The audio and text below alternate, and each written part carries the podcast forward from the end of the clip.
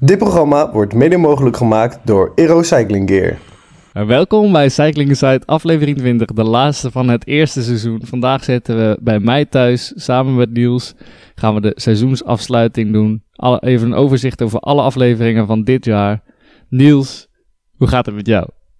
Ja, dankjewel. Ja, ja dus, uh, we eindigen anders dan dat we altijd beginnen, maar ja, het gaat goed. Dankjewel. Ja, dus misschien, ik denk, uh, normaal draait het weer om mij. Gaan we vandaag even aan jou, uh, aan jou wat meer wijden en zo beginnen. Dus uh, ja, seizoensoverzicht, het jaar voorbij gevlogen. Ja.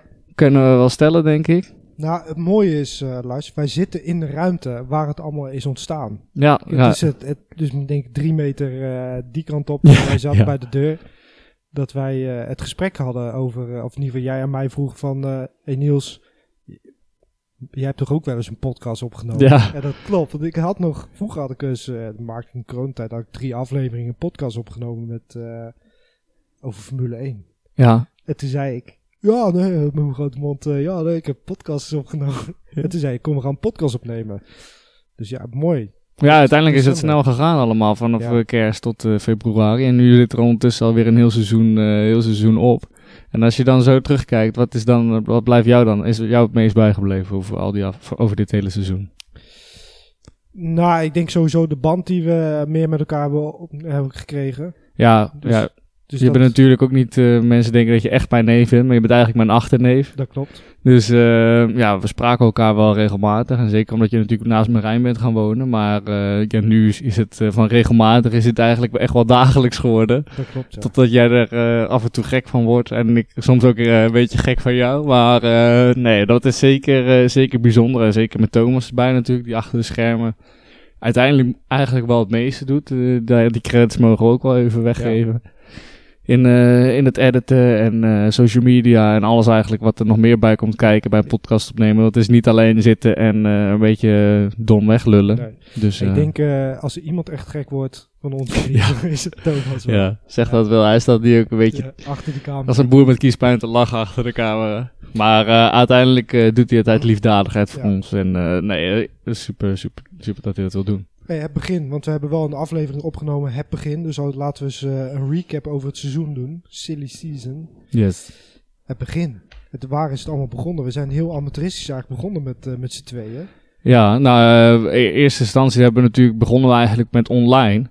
Dus uh, waren we niet bij elkaar. Nou, Nee. dat, uh, dat, is al, dat beviel eigenlijk niet zo. Ook omdat met internet af en toe wat gedoe was en dat liep niet echt. En uh, uiteindelijk toch besloten om het dan gewoon uh, altijd maar in Nederland te doen en dan wat meer vooruit te plannen. Ja, en dat, het, het keerpunt was uh, Ramon Sinkeldam. ja, toen zat ik gewoon thuis en uh, in, in de Zenderwijn City.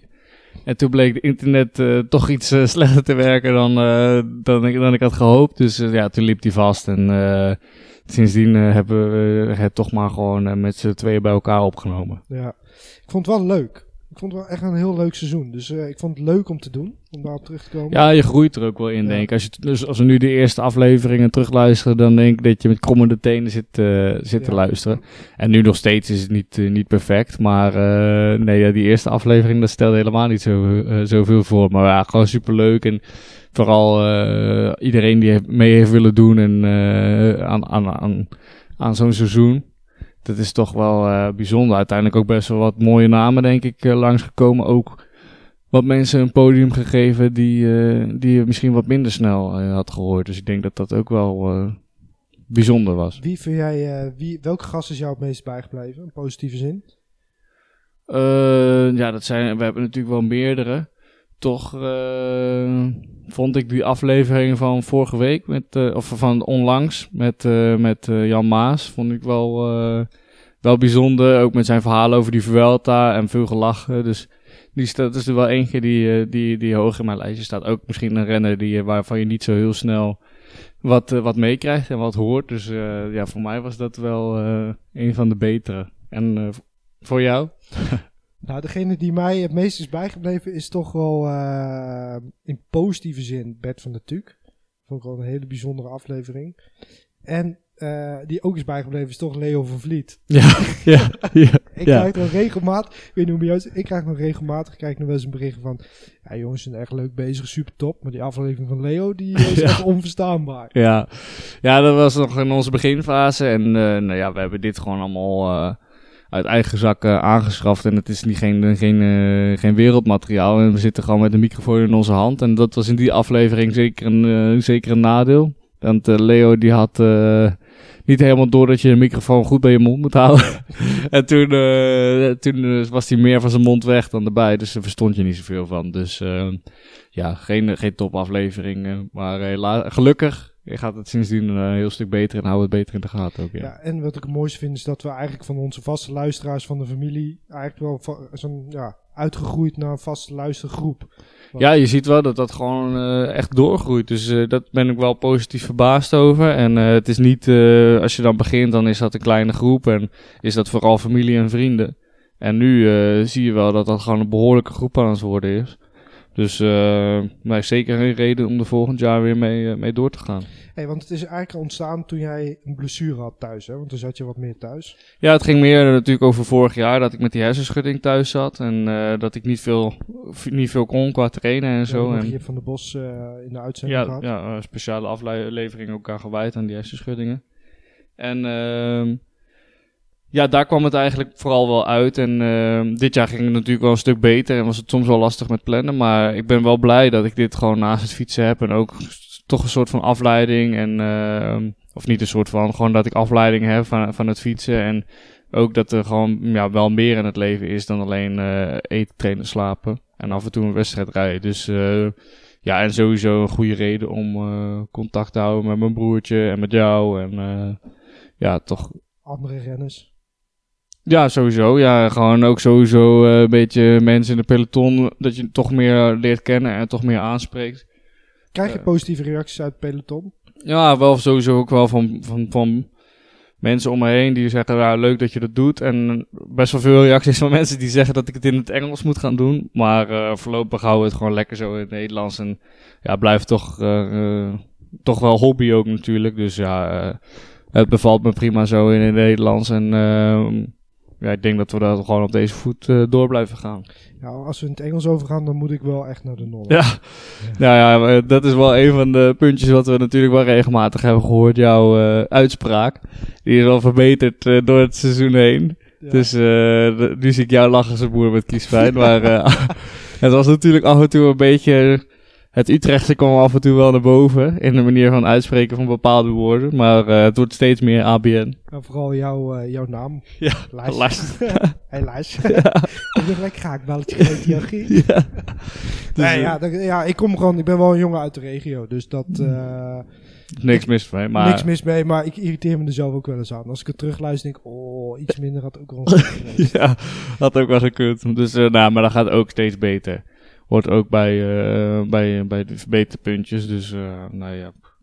Wat ik het leukste vind, is eigenlijk ook, weet je, voor mij als leek is het dus, eh één, de wielenwereld dus, was voor mij één, ja, ik wist het van jullie, maar echt de regels of hoe het nou precies in elkaar zit, wist ik echt totaal niet. Ondertussen weet ik het wel, dus dat vind ik wel leuk dat je dat gedurende Ja. het seizoen dat leert. Het gaat, gaat steeds beter, laten laten we het zo beter. zeggen. Ja, Nou ja, ik weet wel het verschil tussen de klassiekers, de World Tour. ja dat is zeker. Ja, je krijgt natuurlijk als je zo'n jaar echt in, in, in het fietsen zit, krijg je steeds meer mee. Het is niet dat je natuurlijk zelf nu heel veel hebt gedaan of zo, maar ja, van ons en vanuit de podcast krijg je natuurlijk steeds meer en meer wel wat mee. Ja. En dat gaat, eh, gaat steeds wel wat beter. Dus nu zit je een beetje, eh, zit je niet soms met eh, holle ogen te kijken als er een wielerterm eh, op tafel wordt gegooid. Nee, ik weet wat Swift is. Ja. Dat wist ik bij Jasper Okkeloen niet. Ja, ja, aan het begin merkte je wel echt dat je gewoon zat te struggelen. En we hebben natuurlijk ook wel wat dingen veranderd in, in hoe we de podcast aanpakken en qua opstelling. Dus eh, om het eh, uiteindelijk soms ook iets makkelijker te maken. Dus eh, ja, dat, dat is ook wel. dat, uiteindelijk kunnen we daar nu ook wel weer om lachen als we daarop terugkijken, denk ik. Ja. Dus ja, wel gewoon mooie dingen. En ik vind het gewoon wel bijzonder, want in principe in mijn werk is heel iets anders. Ja. Maar je zit toch al met mensen uit de sport aan tafel waar je gesprekken mee kan hebben. Waar je anderzijds, ja, ik die gesprekken niet zo zomaar zou hebben. Nee, ja, ik vind het uiteindelijk ook alleen maar, kijk, als ik nu bij een podcast ga zitten over een andere sport, ja, dan zou ik ook soms zitten te kijken van, ja, wij hebben het in godsnaam over. En jij hebt het toch maar wel weer gedaan. Dus dat vind ik ook wel weer mooi. Gewoon, gewoon maar gaan zitten. En dan, uh, ja, soms ook misschien wat voor andere mensen die zitten te luisteren denken, ja, stelt die gozer een domme vraag. ja, uiteindelijk uh, is dat maar wat het is. En uh, ja, ook voor de mensen die wel als leek zitten te luisteren, is dat misschien juist alweer een, uh, een hele goede vraag als die ook met die, met, daarmee in hun hoofd zitten. Ja, hey, we hebben gedurende het seizoen ook al verschillende locaties gezeten. Wat is nou voor jou echt een locatie die is bijgebleven? Voor mij was het toch wel uiteindelijk de leukste locatie waar we met Arvid hebben gezeten in het uh, café van die vriend van jou. Ja, Brava. In Brava. Utrecht. Ja, allemaal gaan eten daar. Nee, maar was, uh, was super leuk en ook dat er iets meer omheen gebeurde. Uh, en voor de rest, de laatste aflevering hebben we nu bij mij thuis gezeten, wat me ook natuurlijk wel goed uitkwam, want ik ben op zich wel druk zat. Dus het bevalt me wel om ook gewoon lekker zo'n zo een beetje wat meer een vaste plek te hebben. Nu is dat wel ook wel een van de punten voor, voor in de toekomst, uh, als we de, wanneer we doorgaan, dat er ook wel weer, dat we op zoek zijn naar een soort studioruimte waar alles gewoon vast, een vaste plek heeft en waar we nog meer uh, dingen kunnen gaan maken, bijzondere dingen, waar we, waar we straks nog wel wat meer over vertellen. Dus ja. nee, dat zijn wel positieve punten voor de toekomst. Ja, zeker. Als ik ook terugkijk, we hebben gedurende het seizoen hebben we natuurlijk ook wat kleine uitstapjes gemaakt. Een van die uitstapjes was voor mij zo'n bijzondere reis samen met je vader en je moeder en je oma. Ja, naar uh, Parijs natuurlijk. Naar Parijs, ja. Dus er zijn twee punten waar ik echt even stil wil staan. Is bij jou in ieder geval de Champs-Élysées. Dat je op kan draaien, dat er zo... Uh, ja, ik weet niet hoe je het zelf bewaart, maar voor ons was het kippenvel. Ik vond het echt super vet om daarbij aanwezig te mogen zijn. Ja, Champs-Élysées is natuurlijk iets waar je naar kijkt als je als jong pikkie begint met fietsen. En uh, ja, dat, is gewoon, dat, is, dat heeft gewoon iets magisch wat er omheen hangt. En ook als ik nog, nog nu naar die foto's kijk, dat kan ik, ja, daar kan ik gewoon. Ja, daar kijk ik echt nog steeds regelmatig naar. Het was gewoon zo'n bijzonder moment. En ook vooral gewoon, je draait dan bij dat Louvre zo over dat plein. En dan draai je af en dan hoor je gewoon, ik reed rond plek 40 en je hoort gewoon dat een geluidswal naar je toe komen. En dat was wel echt uh, gewoon in koers van een besefmoment van, ja, wat gebeurt er hier allemaal? En dat ik dit, uh, dit er toch heb mogen halen. Ook omdat natuurlijk van tevoren niet was uh, voorzien dat ik de Tour überhaupt zou doen tot uh, tien dagen van tevoren. Dat was eigenlijk op de dag dat we een aflevering hadden met Arvid en Antoinette de Jong. Antoinette Rijkma ja. de Jong. Ja, ja, ja, moet het wel even goed zeggen. Ja. Maar ja, dat was gewoon... ik was natuurlijk bij jou dan die ochtend. En ja, toen werd ik gebeld en dat was gewoon totaal niet voorzien. En ze zeiden, ja, je gaat naar de Tour. En ja, vier weken later sta ik met jou in Parijs. Even kort door de bocht. Dus uh, ja, gewoon super speciaal. En toen daar, dan uiteindelijk op een gegeven moment kom je gewoon wel echt meer in, de, in je koersritme. En wordt het gewoon een normale koers. En op, als je dan over de finish draait, dan is dat gewoon... Uh, ik kwam over de finish met Thibaut, Thibaut Pinot. En uh, ja, dat was natuurlijk zijn laatste tour en al die mensen. En sowieso die dag ervoor, dat zullen mensen zich nog wel herinneren. Dat is misschien een van de legendarische momenten van dit hele seizoen. Dat hij daar tussen die mensen daar in zijn eigen, in zijn eigen omgeving uh, naar voren wordt geschreeuwd. Waar het gewoon met duizenden mensen... in Lombardije was dat? Nee, nee, nee. Of, nee. Uh, oh. In de Tour, die Oh, ene de laatste Tour, dag. Bij hem thuis. Dus uh, ja, dat was gewoon, gewoon speciaal. En ik kwam daar met hem over de finish. En daarna gewoon met je familie en jij en mijn oma. Die daar staan. En ja, dat is gewoon een moment wat ik gewoon nooit meer ga vergeten. Had je, zag je ons staan in die hoek? Want Ja, gelijk eerste ronde. bloedgang voorbij, hè? Ja, eerste ronde al gelijk. Ik hoorde, ik hoorde hem gewoon, ik hoorde mijn vader staan.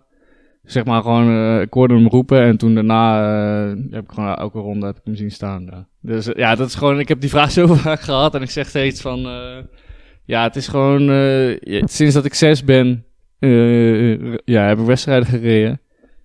En ja, ik denk dat je gewoon een soort uh, zesde zintuig hebt voor, uh, je voor het geluid van mijn vader. Ja, dus ehm ja, zelfs als hij daar tussen, nou ja, hoeveel duizenden mensen wel, wel niet staat. En uh, ja, je rijdt op een ronde van 7 ki- kilometer, hoor ik gewoon precies nog wa- waar die staat. Dus ja, ik, had, ik, had ook geen, ik wist ook niet dat hij daar zou staan, dus, of dat jullie daar zouden staan. Dus uiteindelijk is dat ook wel weer bijzonder dat je dat dan inderdaad zo hebt. Dat je gewoon gelijk je vaders stem uh, herkent. Ja, jouw vader eh, en jouw, je- je- die- jouw moeder zijn de grootste fans van jou en je broer. En Ja. van, eh, van Thomas natuurlijk. Maar even met het wielrennen. Was dit jaar waren ze erbij bij de Tour. Maar er is natuurlijk nog, nog een grote eh, koers geweest van Marijn. En dat is de Vuelta. Ja, zeker. Marijn natuurlijk dan die, zijn eerste grote ronde gereden in de Vuelta. Zijn ze daar naartoe gegaan in Madrid. En dus, nog een paar kansen op de overwinning ook. Voor Marijn? Voor Marijn, ja. Ja, het was voor Marijn wel een, een beetje een struggle. hij was natuurlijk net goed geweest in, in Polen, waar hij die overwinning pakte. En dan ging hij met veel motivatie richting, richting Spanje. En uiteindelijk uh, rijdt hij daar. En ik denk de dag dat hij uh, de overwinning ja, voor het grijpen had, glijdt hij onderuit in de bocht. Waar de meningen over zijn verdeeld. Of wat, het, wat, wat, wat, is jouw mening? Want nou, er was iets in die bocht verschoven, toch? Of ja, nou ja, het hek stond natuurlijk... Hij komt de bocht door en uiteindelijk zat het hek iets naar binnen. En daardoor moet hij remmen en glijdt hij onderuit.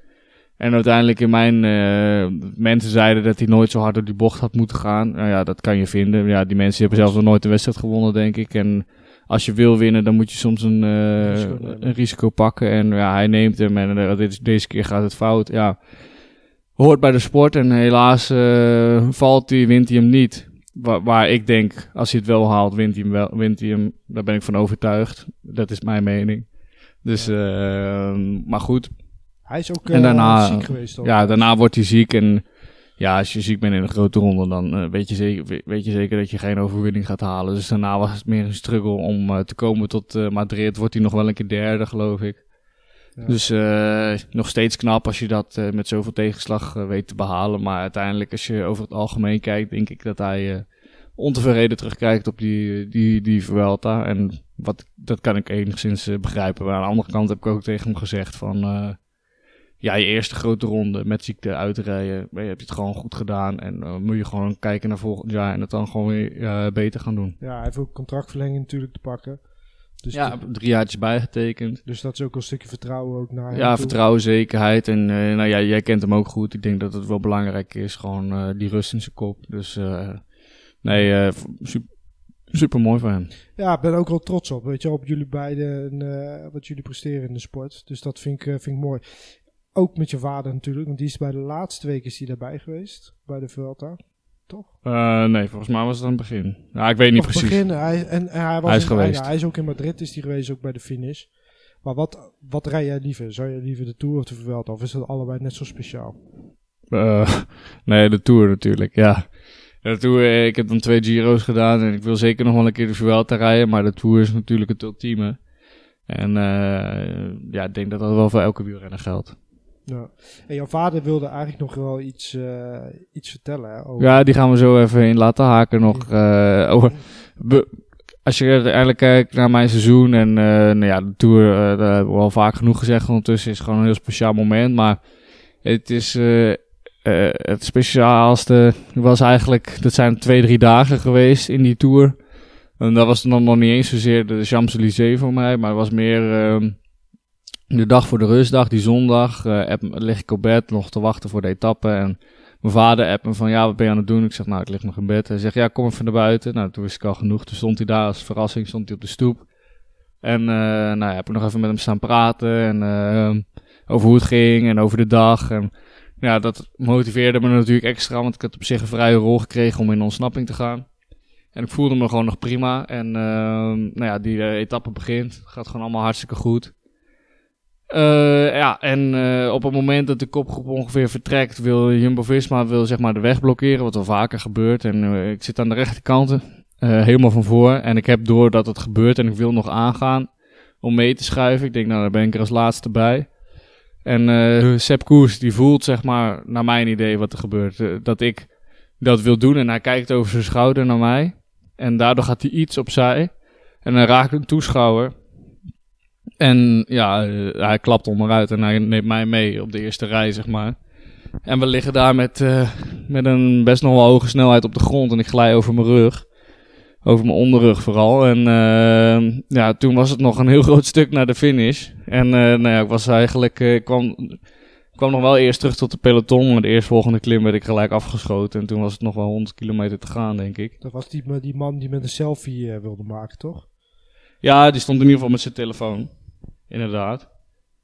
Ja, en toen uh, was het nog een hele, hele, hele lange weg. En uh, ja, toen is het vooral Niels Eekhoff van uh, Team DSM die me er doorheen is gesleept. Die heeft af en toe een bidon gehaald en af en toe een jelletje gehaald. En ja, ik had het niet meer. Ik had geen woord die, ik kon, die kon zeggen. En ja, was kruipen tot aan de finish. En ehm, ja, toen ben ik ook zo, zo, zo dood ben ik nog niet vaak over de finish gekomen. En daar, is, heeft de ploeg ook nog een uh, filmpje van gemaakt. Die staat op Instagram. Die kunnen we tegen de tijd dat dit online komt nog wel een keer uh, reposten of zo. Ja, dan zit ik gewoon 20 minuten op de grond voor me uit te staren zonder iets te zeggen. Of, uh, en moet iedereen me echt met rust laten. En daarna kwam ik gelukkig na uh, twee, drie colaatjes of zo weer een beetje bij de mensen. Maar uh, ik was zo, zo, zo tot op het bot gewoon helemaal leeg getrokken. En ja. dat kwam ook wel uh, omdat mijn vader er dus was, om er even op terug te komen. En ehm, ja, maar dat, dat motiveerde me wel. Ik kon, ik kon het niet over mijn, mijn hart verkrijgen, omdat hij daar naartoe was gereden, de hele nacht doorgereden. Om dan die dag, die dag net, net uit te stappen. Dus Nee, mede door, door hem heb ik toen wel uh, die finish gehaald. En toen de volgende dag was gelukkig een rustdag. En toen heb ik even met hem een stukje gelopen en hebben wat gedronken. En uh, ja, dat was gewoon super fijn om gewoon die laatste week in te gaan met nogal weer een beetje geruststelling en vertrouwd gevoel. En ja, ja, je bent toch al drie weken op pad met, ja, het zijn natuurlijk geen vreemden, maar ja, het is toch, uh, dat blijven toch ook wel weer collega's. Sommigen zijn natuurlijk ook wel vrienden, maar natuurlijk ook niet allemaal. Het blijft gewoon uh, ook een soort zakelijk uh, gebeuren. Dus ja, het was wel even fijn om mijn vader omheen te hebben. Die dag daarna was dan uh, was een tijdrit en ik had met de ploeg gevraagd van ja, kan niet mee alsjeblieft en in de auto. En toen zeiden ze van ja, kan niet, want we hebben, we hebben sponsoren mee en dit en dat. En toen zei ik van ja, het is allemaal leuk en aardig, maar uh, mijn vader die zit gewoon in die auto straks. En uh, jullie regelen maar zelf een oplossing, het is niet mijn probleem. En uh, ja, dus toen heb ik even uh, mijn poot stijf gehouden, zeg maar. En wat in eerste instantie hadden ze ook al tegen mijn vader gezegd. Mijn vader die was al bij de start, zei ja, je kan niet mee. En ja, en toen zei ik tegen mijn vader, ja, blijf maar gewoon hier in de buurt. Ik zorg dat het goed komt. En toen uiteindelijk zat hij toch gewoon mooi in die auto. En, ja, dat blijft nog wel uh, super mooi en uh, speciaal. En dat zal hij zo zelf ook wel even vertellen. En uh, ja, daar heeft hij gewoon nog veel video's van. Het is gewoon super bijzonder om zo'n moment met je vader. Het voelde, het voelde gewoon alsof we samen een toeretappe reden, zeg maar. En ja. ja. dat is gewoon speciaal als je gewoon 19 jaar fietst. En hij heeft er ook alles voor gedaan, niet alleen ik. Dus hij heeft me alle mogelijkheden gegeven, altijd sinds klein. En uh, ja, daardoor was het gewoon speciaal. Ik denk dat hij thuis komt, ja. De, de honden slaan aan. Ja. hey, we gaan uh, even verder, want er is nog wel een moment, want jij zegt, ik kom helemaal dood over de finish. Er is nog een moment uh, in Nederland met je broertje die ook half dood over de finish heen komt. Kun je nog herinneren wat het is? Ja, NK denk ik, weet NK, je bedoelt. Ja. Ja. ja. die, had even alle, die had alles gegeven en uh, ja, die werd even omvangen door de hitte. Ja.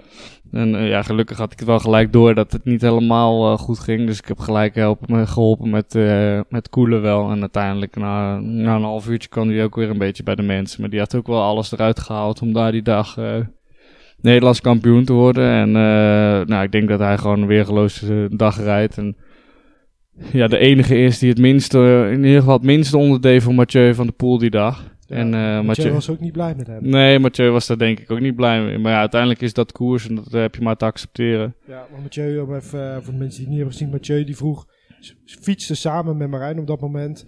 En die zei tegen Marijn, kom, fiets even vormen, want dan kunnen we de aansluiting vinden. Ja, kunnen we door. Maar ja, Marijn die had gewoon alles gegeven om überhaupt mee te zijn. Dus ja, dan... Uh, die zat al met een hartslag van uh, 180, 170. Nou, ik denk wel meer, maar daar gaat het niet om. Maar ja, die had het op dat moment gewoon niet. En ja, de, ja niet meer dan normaal. Marijn was de enige die hem kon volgen. En als hij dan verwacht van Marijn dat hij dan ook nog overneemt, ja, dan... Uh, is dit volgens mij een illusie die, uh, wat hij niet waar kan maken in ieder geval. Ja. Dus uh, nou ja, de, daar hoeven we het verder ook niet over te hebben. Mathieu is gewoon de beste renner van die dag. Hij wordt uiteindelijk geen kampioen, zo zien, maar dat de beste niet altijd wint.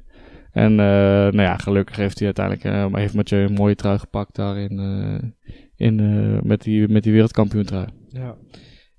Je bent, je bent de vader van Lars en Marijn en Thomas. Ja. Ja, Thomas de producer en Lasje Marijn de fietsers. Ja. Je, jij bent bij, je moet de microfoon trouwens op twee vingers afstand van je mond houden. Jij bent bij uh, beide geweest, maar een speciaal moment tijdens de Tour de France van, van Lars ben je ook bij geweest.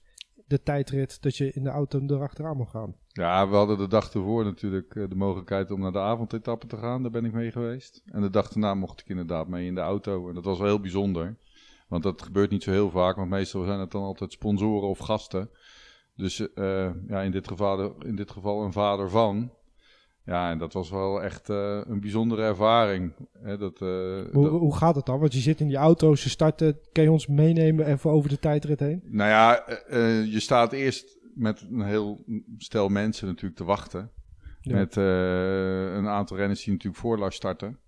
En vervolgens gaat Lars van start. En dan krijgt de auto na 10 seconden de gelegenheid om achter Lars aan te sluiten. En dan wordt Lars vanuit de auto wordt natuurlijk verteld van hey, een bocht naar rechts, let op de witte strepen, pas op een drempel, uh, niet uh, te hard de bocht door, want er zitten putten in de bocht. Er waren daarvoor al wat valpartijtjes ook geweest. Dus uh, hij wordt gewoon vanuit de auto gecoacht. Maar het mooiste is natuurlijk dat je dat ziet, dat dat gebeurt. Maar al die mensen langs de kant, dat is niet alleen voor hem bijzonder, maar dat is ook gewoon in de auto is dat heel bijzonder. Want op een gegeven moment, er zat natuurlijk een klim in en dat gaat dan niet zo hard. En die mensen die staan dan keihard te schreeuwen. En ik heb er ook een filmpje van. Nou, dat geluid is echt waanzinnig gewoon. Dat is echt heel bijzonder om mee te maken.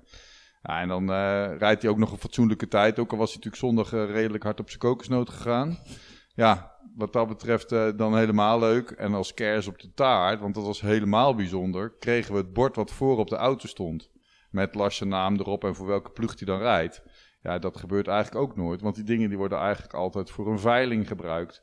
Maar de ploegleider van Lars, uh, ja, die was echt, uh, die heeft zijn best gedaan om te vragen dat we de bord mochten hebben. Heb je die hier? Ja, die, die hebben we hier. Die staat uh, bij Lars. Oh, dan gaan we zo een foto van maken. Ja, dat is echt heel bijzonder, want het is het bord wat dus echt ook op televisie komt, zeg maar. Wat je ziet als die renners van start gaan. En ja, dat is natuurlijk hartstikke leuk dat je zo'n bord als herinnering krijgt. Hè. Dus het is niet alleen een mooi moment om mee te maken, maar ook nog eens een keer leuk en waardevol om zo'n bord mee te krijgen. Dat maakt het extra speciaal. Eh, we hebben ze gezien op de Champs-Élysées. Daar komen we zo straks op terug, want daar zijn we samen geweest. Hoe is het? Want die gasten rijden die auto als gekken erachteraan. Ja, op een gegeven moment zelfs, want het was een, natuurlijk een, af, het was een klim, maar ook een afdaling en, uh, uh, een, en een fietswissel. En hij is natuurlijk al sneller weg. Dus toen dacht die ploegleider, nou weet je, ik ga even stoer doen. En de vader van zit erbij, dus ik kan hem wel extra hard rijden. Maar dat ging ook wel bijna fout. Zo hard reed hij dus gewoon. En hij reed als reizen dan? Of nou, hij reed op een gegeven moment naar beneden, reed hij 80. Maar met de auto moet je dan op sommige stukjes natuurlijk nog iets harder rijden. Dus, uh, want uh, met zo'n fiets kan je recht door de bocht. Maar dat kan met de auto natuurlijk niet. Dus dan ga je remmen, dan loopt Lars weer weg. En vervolgens moet die vent dus nog weer harder gaan rijden om bij Lars weer bij te komen natuurlijk. Dus er werd zo snoeihard gereden. Dus ja, ik denk dat ze met, uh, die, met die acht renners verslijten ze gewoon even een setje banden op zo'n middag. Ja, bij wijze van. Ja. Bizar. Maar het was wel heel leuk. Hey, want we zijn uh, Champs-Élysées hebben hem binnengehaald. Ja. Hoe heb jij dat ervaren? Want we hebben het er net over gehad. Nou ja, kijk, het was natuurlijk al uh, bijzonder. Kijk, hij was natuurlijk naar de Giro geweest en uh, dat was dan niet zo'n succes. Hij werd daar ziek. Dat is natuurlijk al heel vervelend. Toen, ja. kwam, toen kwam hij terug en toen ja, was het natuurlijk een enorme teleurstelling. Hè? Want je gaat er naartoe, hij was gewoon goed voorbereid. En dan was het denk ik in de Giro was hij ook gewoon echt, gewoon echt goed. Beter nog dan in de Tour, denk ik. En uh, op een gegeven moment uh, komt hij dan thuis. Ja, dan moet de boel weer even gereset worden. En op het allerlaatste moment dan naar de Tour. Ja, dat is natuurlijk al heel bijzonder voor ons, als ouders ook. Omdat je ziet wel de verschil van impact, zeg maar, van het nieuws. En alle mensen die eromheen en familieleden. Ja. En mensen van vroeger die dan aandacht schenken aan, uh, aan Lars zijn deelname.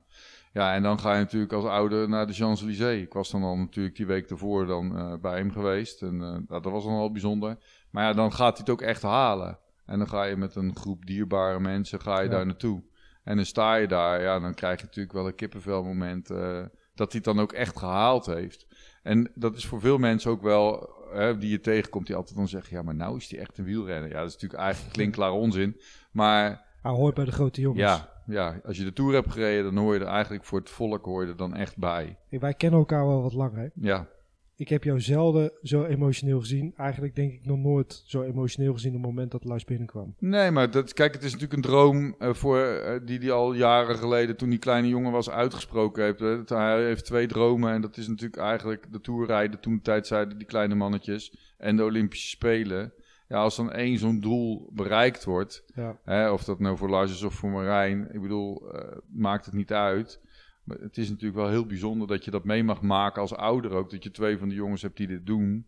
En uh, ja, dat dan hun droom uitkomt, zeg maar. Ja. En daar kan je dan oprecht blij voor zijn. Dat is zeker ook wel stiekem een beetje je eigen droom. Dit? Nou, nee, ik heb nooit. Kijk, eh, hun, ik, ik heb natuurlijk zelf wel eh, gesport, maar zeker niet het niveau behaald wat hun doen. En de tijd is ook compleet anders.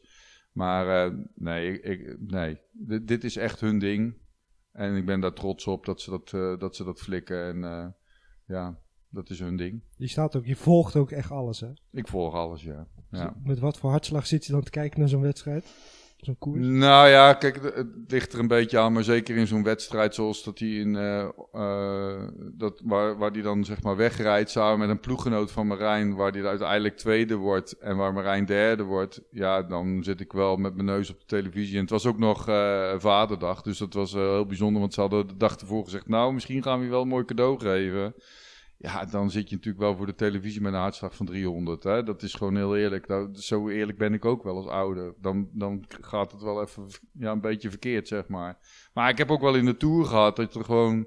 Of op andere momenten dat je naar wedstrijden zit te kijken. Dat, dat ik me ook wel eens zorgen maak over wat er allemaal gebeurt in het peloton. Dat je dan zit te kijken. Ik weet nog eh, dat ik naar de Giro zat te kijken toen hij de eerste keer meedeed. En toen was er echt een enorme valpartij. Redelijk in het begin van de wedstrijd op een dag. Nou, dat was echt niet normaal. Zo, de, de wedstrijd werd ook enorm lang stilgelegd. Ja, dan zit je daar ook wel. Hè? Ik bedoel, ze zijn allebei wel eens gevallen. En Lars heeft natuurlijk wel meer pech gehad. Ja, dan zit je echt wel met een hartslag die niet best is, zeg maar. Dat moet niet te vaak gebeuren. Dat is gewoon Nee. wel heel eerlijk, ja. Nee. Ik vind het wel mooi om te zien hoe trots jullie, eh, jullie zijn en hoe het leven eigenlijk bij jullie eigenlijk altijd in teken heeft gestaan van het fietsen. Ja. Dus, eh, Ja. ik vind het mooi. Ja, goed, het was hun droom ook natuurlijk. Hè? En eh, als je daar aan mee kan helpen als ouder. En we hebben dat natuurlijk eigenlijk in alles gefaciliteerd. En, eh, maar we hebben er ook altijd van genoten met het hele gezin. Ja. We hebben ook heel veel leuke dingen. Het was, het, eh, ze, ze hoeft het niet te doen. Hè? Als ze morgen stoppen met fietsen, dan houden we nog net zoveel van ze. Dus daar ligt het echt niet aan. Maar we hebben ook altijd leuke dingen beleefd. Hè? We zijn ook met de jongens hebben we de mogelijkheid gehad om eh, naar de Amstel te gaan in Curaçao. Dat ze, Ja. hebben ze ook mee mogen fietsen, zeg maar. Ja. En zo zijn er natuurlijk ook WK's en andere wedstrijden geweest waar we met het hele gezin naartoe geweest zijn. Ja. En, en dat heeft natuurlijk het hele gezin heel veel plezier aan beleefd. Hey, we kunnen hier een hele aflevering aan. Ja, aan wijden. gaan we Vind- niet doen. Vind je het leuk seizoen 2 een keer een aflevering te komen? Ja, nou ja, ik denk dat het meer een ding is van de jongens, zeg maar. En natuurlijk zijn ouders belangrijk, maar ik denk dat er dan ouders zijn die eh, eh, ook wel eens een keer, hè, dat het niet zo dicht bij Lars hoeft te staan, maar ik denk dat er ouders zijn die ook wel wat te vertellen hebben. Ja. Hè, die, eh, er zijn meer ouders zoals ik. Ja, mooi. Ja. Fan, maar je kan ook heel hard zijn tegen de jongens. Nou, nou hard niet, denk ik. Re- gewoon duidelijk en rechtvaardig. Dus Ik ben nooit hard geweest. Ik heb ze nooit gedwongen tot iets. Maar kijk, heel eerlijk, het kostte allemaal veel tijd en veel geld. Dat geldt voor alle ouders hè, waar de jongens van gefietst hebben. En er zijn er heel veel gestopt. En die ouders hebben daar heel veel tijd en heel veel geld in zitten. En we hebben altijd gezegd, als je iets doet, of het nou school is of het wielrennen, we willen maar één ding en dat is wel dat je je best doet. Ja. Nou ja, als hun er dan plezier aan beleven en ze gaan zo ver als wat ze nu doen, ja, dan is het aan hun. En we hoeven ons daar nu niet meer mee te bemoeien. Nee, Dus dat is aan hunzelf. dankjewel. Ja, graag gedaan. Aerocycling Gear. Wielrennen is een sport waarbij het aankomt op de kleinste details. Omdat zelfs de kleinste aanpassing een groot verschil kan maken bij het behalen van de gewenste snelheid. Daarom biedt Aerocycling Gear een uitgebreide collectie van aerosokken en accessoires De reclamecaravan is voor de laatste keer dit seizoen voorbij. Ja, laten we even... Er komt, eh, er komt de vader van de berg nog even achterlangs met zijn taartje. Dat is groot. Laten we vooral even eh Aero Cycling Gear bedanken. Ja. Onze hoofdsponsor van dit jaar. Daar zijn we super blij mee. Ja. Dus eh, we hopen er volgend jaar eh, met hem weer bij te zijn. En eh, ja, koop vooral daar al je spullen. Koop vooral deze spullen. Hey, ik vind nog wel even belangrijk. Seizoen 2 gaan we door. Ja, zeker. Leuk. Als het aan mij ligt wel tenminste. Ja, ik heb er zin in. Ja. Dus in welke vorm doorgaan, dat weten we nog niet. Maar we gaan volgend jaar gaan we eh, Ja. leuke stappen maken. Ben je nou aan het luisteren en denk je van nou, deze jongens wil ik echt graag supporten. In wat voor vorm dan ook. Benader ons dan even, want dan kunnen we altijd eens even kijken of we daar leuke partnerships uit kunnen halen. Ja. Toch? Samen. Ik heb nog eh, een vraag. Een leuke prijsvraag. De laatste van seizoen 1. ja. En wat kan je winnen? We hebben vijf rugnummers gesigneerd van Lars van den Berg uit de Tour de France. En wat moet je daarvoor doen? Zeg jij maar. Je moet eventjes eh, laten weten welke aflevering jij het leukst vond en waarom. Ja. En dan maak je kans op een van die vijf rugnummers. En dit kan je doen door te reageren, een DM te sturen of te reageren op YouTube, Instagram eronder als Ja. reactie. We zullen ook een story posten, dus daar kan je ook reageren. Maar laat vooral even weten waarom je het nou de leukste aflevering vond. En dan eh, kan jij kans maken, of in ieder geval, we geven vijf rugnummers weg. Ja. Dus Ja. eh, leuk. Luister. Dan hebben we nog één nieuwtje natuurlijk. Buiten deze podcast gaan we in de winter, komt er een tweede vorm van content. Ja, Cycling ja. Insight. Een eh, nieuwe podcast voor, want jij denkt dat we... nee, niet nieuwe podcastvorm. Niet per se podcastvorm, toch? Nou, oké. Maar ja, we gaan, eh, we gaan, er komt in ieder geval een online YouTube-serie. Niet, niet per se- dit komt niet op Spotify, puur op YouTube. En eh, nou ja, hou dat vooral in de gaten. Dat doen we gaan proberen om in de win- winterperiode op te zetten. Ja. En eh, dat zal meer over de actualiteit gaan. En eh, ja, dus zeker interessant. Dus hou dat in de gaten. Ja, ja, ja. Zullen we de naam verklappen? Zeg maar. Hoe was je week? Hoe was je week? Ja, gewoon heel simpel. Ja. Ja. Gewoon over de actualiteit. Ja, En ja, niet per se alleen eh, niet over ons twee, maar meer echt over wat er gebeurt. Ja, ik denk, eh, we gaan nou ook wat dieper in op gewoon wat andere. Dus we kunnen het ook over politiek hebben, maar we kunnen het ook hebben over sport. Eh, voetbal heeft Lars helaas niet zo heel veel verstand van. Ehm, ik daarentegen heb wel wat meer verstand van voetbal en Formule 1, dus dat komt goed. Hey Lars, ik wil jou echt super bedanken voor afgelopen jaar, dat, eh, dat ik hier aan mee heb mogen doen. Ja, ik vond het zelf ook hartstikke leuk. Ja, bedankt dat je me ook... Ja, kijk, eh, jij bent altijd in te wisselen. nee, ik vond het superleuk om dit te Ja, doen. Met z'n dus, tweeën. Dus met, met, met, met dus Koen erbij en met Toom erbij. Dus ja, ik wil Thomas echt super bedanken voor... voor toomloze inzet. voor de eindeloze inzet en, en gezeik van ons. Ja. En Dus, de eh, eindeloos belletjes dat, eh, dat we het anders willen hebben. Tot frustratie toe. Dus Thomas, eh, super bedankt. En dan de, de winnaar van de prijsvraag met Rick. De vraag was hoeveel top 10 uitslagen heeft hij gereden het afgelopen seizoen? En het antwoord was 6. Dus we zullen de winnaar daar even een berichtje in sturen op Instagram. Dus hou je Instagram in de gaten, want dan krijg jij een mooie prijs van Rick thuis gestuurd. Hey, eh, ik ga afsluiten. Ja. Dit was Tot seizoen seizoen twee. 1. We zijn 721 minuten hebben wij podcast opgenomen. In totaal is dat 12 uur, 20 afleveringen. Plus deze, is 38 minuten erbij. Dus ja, we zitten gewoon gigantisch veel. We hebben gewoon een mooi jaar achter de rug. Dus Zeker. bij deze wil ik afsluiten. Dit was voor de laatste keer seizoen 1. Dit was Cycling. Tot volgend jaar. Tot volgend jaar.